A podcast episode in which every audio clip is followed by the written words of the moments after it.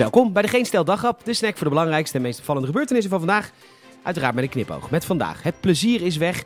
Complotdenkers verdenken complotdenkers ervan dat ze in een complot zitten. En de KLM is weer lekker, de KLM. Mijn naam is Peter Bouwman. Dit is het nieuws van zondag 21 november.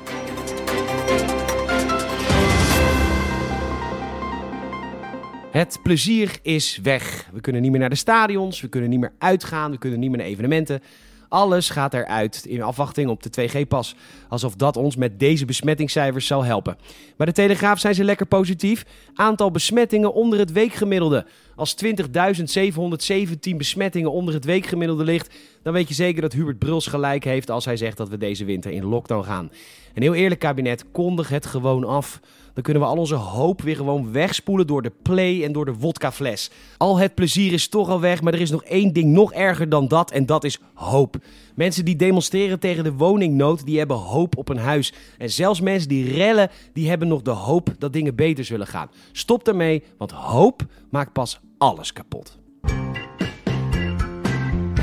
Zaterdagavond. Een testlocatie in de fik gestoken in Emmen. Vijf politieagenten gewond in Den Haag na rellen. Onrust in Roermond, Stijn en Bunschoten. Twaalf mensen aangehouden na ongeregeldheden op Urk. En dat mag ook wel eens gezegd na de rellen van vrijdag in Rotterdam. Het was eindelijk weer een ouderwets rustige zaterdagavond.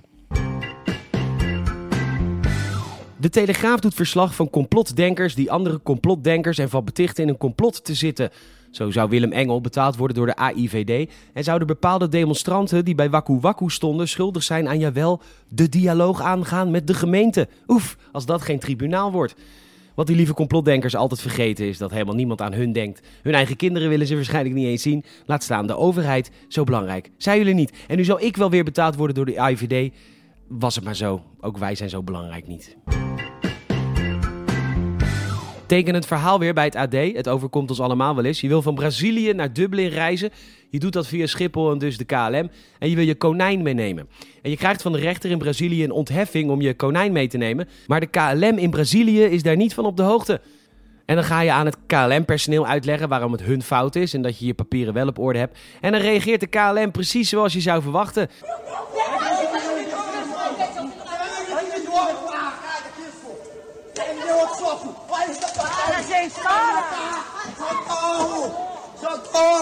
Precies, je krijgt klappen en scheldkanonades over je heen. KLM, de service van een prijsvechter voor de prijs van een premium airliner.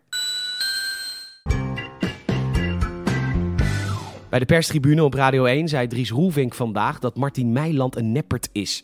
Hij verandert van personage als de camera aangaat.